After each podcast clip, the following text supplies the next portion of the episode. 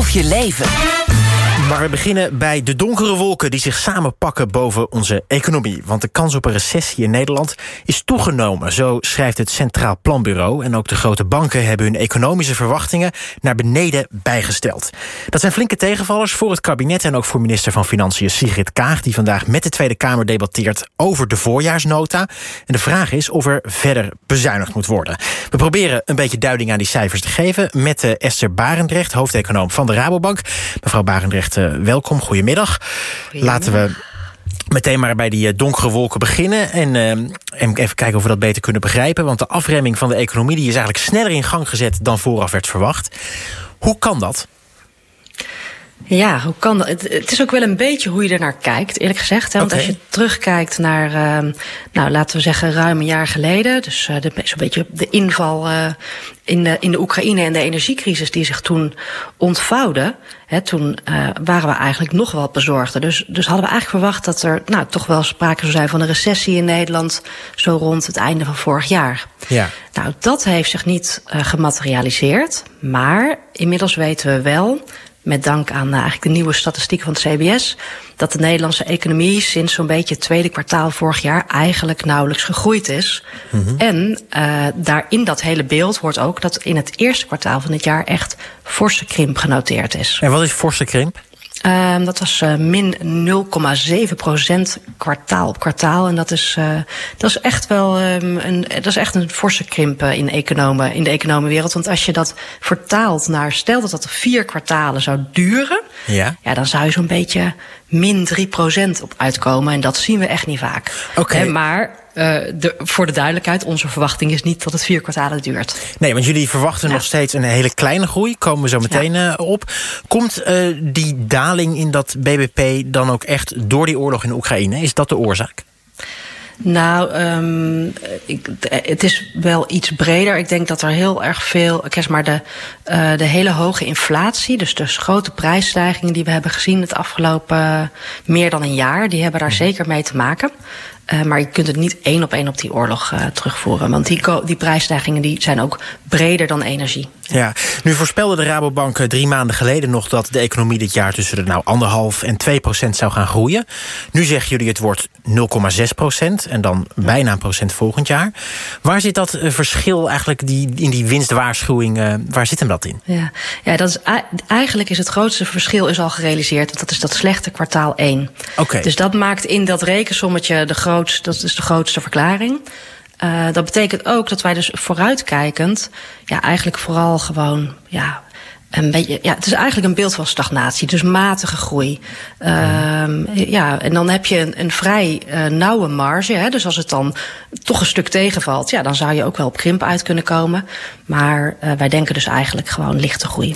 Ja, ja de afgelopen jaren was er hele stevige groei. bijna 5% in 2021, 4,5% in 2022.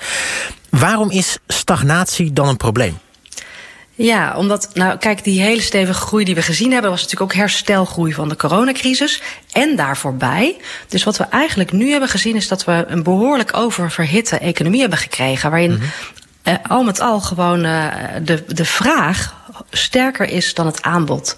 En dat leidt tot heel veel krapte, zeker ook op de arbeidsmarkt. Er zijn gewoon niet dat, genoeg mensen om precies. aan alle vraag te voorzien. Ja, dus dat betekent dat we eigenlijk hebben. Ja, um, er is gewoon weinig upside. Er zijn gewoon niet genoeg handen en hoofden om, uh, ja, om, om nog heel veel meer extra te leveren. Maar dan zou je zeggen, stagna stagnatie is ook Precies. onvermijdelijk. Dat is hartstikke logisch. Ja, dat, dus dat is denk ik ook wel logisch. En hm. uh, ik denk het andere kant van het verhaal is ook... dat kijk, ook in de vraag zien we vooruit kijken wel minder, minder groei. Hè? Want uh, al met al hebben we natuurlijk wel te maken met die hele sterke inflatie... die onder andere de koopkracht uh, uitholt...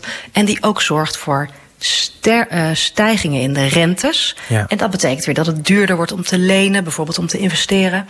Uh, dus ook dat, ook van die kant uh, is het een minder, ja, minder florissant plaatje. Ja, gaan we die stagnatie, die tegenvallende cijfers ook in het dagelijks leven merken dan?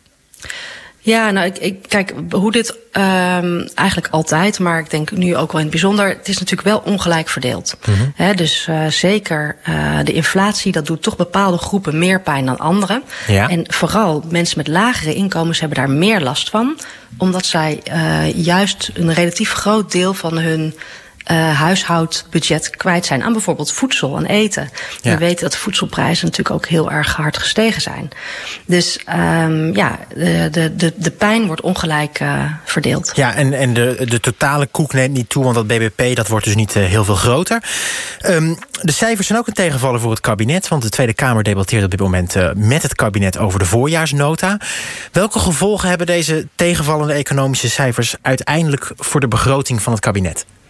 Ja, dat maakt het eigenlijk nog een beetje uitdagender om het rond te krijgen. want het kabinet uh, vaart uh, al uh, scherp aan de wind. Dus die hebben al gezegd van nou, we laten het, het overheidstekort oplopen tot ongeveer de grens van waar het mag volgens de begrotingsregels. Ja. En ehm, nou, als dan de economie wat minder goed presteert, betekent dat over het algemeen ook minder hoge inkomsten voor de overheid en wellicht ook wat hogere uitgaven. Dus het plaatje wordt nog wat complexer. Ja, en dus is de vraag of er bezuinigd moet worden. Minister Kaag zei kort na de presentatie van de kabinetsplannen nog het volgende. We gaan niet eeuwig zo door, want de diepe zakken van de overheid lopen tegen hun grenzen aan. De trend is de verkeerde kant op. En daarom zeg ik ook, ik zeg niet dat dit de laatste keer is dat we bezuinigen. Mhm. We moeten weer de discipline krijgen om te kijken, om keuzes te maken. Altijd kiezen in schaarste, maar tegelijkertijd wel door de bril van welvaart en welzijn van mensen. Ja, dat zei minister Kaag. Vandaag hoorden we ook Tweede Kamerlid Ilko Heijnen van de VVD. En die zei in het debat eh, al iets stelliger dat bezuinigen inmiddels onvermijdelijk is. We moeten hier met elkaar beseffen, de tekorten lopen op. Het gaat niet meer en we zullen moeten ingrijpen. En ik denk dat het belangrijk is dat die knop bij iedereen in het hoofd opgaat. Want als we dat niet doen, stijgen die, lopen die rekening op... en is uiteindelijk de burger nog veel meer te klos. Dat is echt mijn overtuiging. Ja, bent u dit met hem eens, eh, Esther Barendrecht? Is bezuinigen nu onvermijdelijk? Nou, ja, laat ik zo zeggen, er zijn gewoon niet zo heel veel aantrekkelijke opties. Dus het kabinet heeft te maken met tegenvallers, waar ze iets mee moeten. Um, ze hebben ook nog te maken met uh, ja, een aantal realiteiten waar ze denk ik wel iets mee willen. Een daarvan is, hè, wat ik net al benoemde, dat juist in de lagere inkomensgroepen, daarvan weten we, die hebben op dit jaar nog plezier van een aantal tijdelijke maatregelen, tijdelijke steunmaatregelen die genomen zijn. Ja. Maar als die aan het eind van het jaar verlopen, en dan stijgt gewoon de armoede in Nederland. En het kabinet heeft gezegd, nou, daar willen we wel goed naar kijken of we daar in de besluitvorming voor de begroting iets voor kunnen doen. Ja. Um, en, ja, en dan heb je dus te maken ja, met, een, met uh, een tekort aan geld eigenlijk, want je zat al op het randje. Mm -hmm. En dan zijn er uh, weinig aantrekkelijke opties. Want um, je kunt de rekening doorschuiven naar volgende generaties. Dat is als je het tekort nog verder laat oplopen. Ja, ja, dat is niet fijn voor, de, voor toekomstige generaties. Uh, je kunt zeggen, nou, we, laten de, we gaan meer inkomsten heffen als overheid. Dat betekent dat je bijvoorbeeld de belastingen verhoogt. Vinden ook bepaalde groepen niet fijn. Of je kunt zeggen, we gaan bezuinigen en dan ga je bepaalde uitgaven schrappen. En dat vind ik ook Hè? Dus dat is een beetje de keuzes die er zijn. Wel pijnlijke keuzes allemaal. Ja. Uh, economen zeggen ook vaak, ja, als het economisch minder gaat... wat dan nu lijkt te gaan gebeuren, want de groei die neemt af... dan moet de overheid juist meer investeren. Is dat ja, dan, gaat dat nu niet op? Nou, dat is op zich niet. Kijk, uh, deze, dit kabinet heeft een flinke investeringsopgave en agenda vanuit brede welvaart. En voor uh, allerlei langetermijndoelen voor Nederland. Dat is denk ik goed. Maar mm -hmm. het is niet zo dat het kabinet nu op dit moment de economie als geheel uh, voor komend jaar echt zou moeten stimuleren. Want we zitten al in die krappe economie. Dus ja. meer geld in den brede uitgeven, dat is niet de juiste weg. Oké, okay, tot slot uh, laten we nog even breder naar de Europese Unie kijken. Want Nederland is niet het enige land waar de economie tot een stilstand is gekomen. In de eurozone is in het eerste kwartaal zelfs een recessie. dat blijkt uit cijfers van de Eurostat. Moeten we sowieso, als we naar de lange termijn... en eigenlijk naar heel Europa kijken... gewoon rekening houden met wat magerdere jaren... dan misschien de afgelopen twee jaar het geval was? Daar is inderdaad uh, um, mager, denk ik wel het goede woord. En kijk, wat er natuurlijk ook nog wel eens echt speelt, is die hele hoge inflatie. Die moet beteugeld worden. de centrale bank probeert dat te doen door de rente te verhogen. Ja. Maar uh, dat is altijd best een moeilijke afweging. Wat is nou precies het juiste niveau? He, dus als ze de rente te weinig verhogen, dan blijft de inflatie te hoog. En verhogen ze hem te veel, dan kunnen ze de economie ja, echt te veel afremmen. Dus dat ja. risico hangt gewoon ook nog een beetje boven de markt. Dat die balans niet goed gevonden wordt. Ja, dus eigenlijk is het ook een soort strijd tussen die economische groei die je wel hoog wilt houden, maar ondertussen die inflatie die beteugeld moet worden. Ja, eigenlijk ideaal hoop je op een zachte landing. Mm -hmm. hè, maar goed, dat vraagt wel echt craftsmanship en een beetje geluk, eerlijk gezegd. Oké, okay, helder. Dank uh, voor uw uitleg. Esther Barendrecht, hoofdeconoom van de Rabobank.